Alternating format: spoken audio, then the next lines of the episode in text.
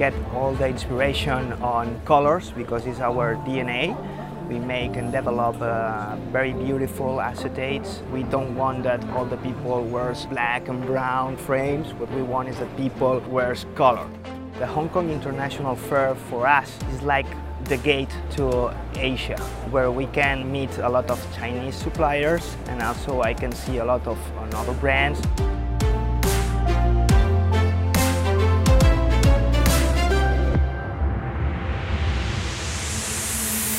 We are located in Hong Kong.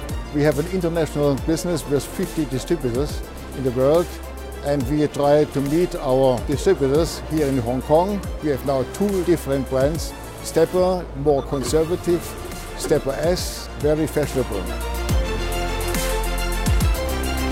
Strawberry Thief is probably the most globally known patterns from William Morris, the, the textile designer from the Victorian days. So we've used Strawberry Thief as very much the background for the new gallery collection.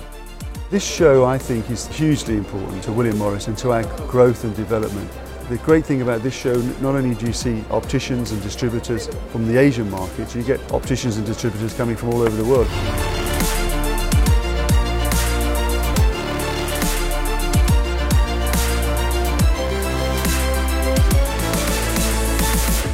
I find that many foreigners, they love the Chinese culture and the design.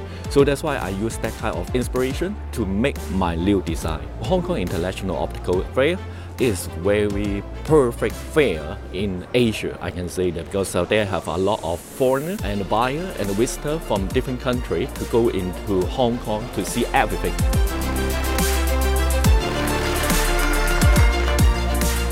The theme for this conference is optometry specialties, so it's good to have the extra information available locally. And having the two together really has synergies. I think it's very useful having both the optical fair and the optometry conference together because there's an ability then for optometrists to see more, people coming to the optical fair to actually do more as well.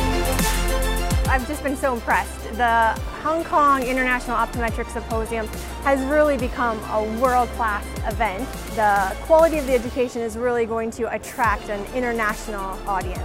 I think that the combination of the Hong Kong International Optometric Symposium with the Hong Kong Optical Fair is really ideal. I've really enjoyed walking around different exhibits here. There's so much to see.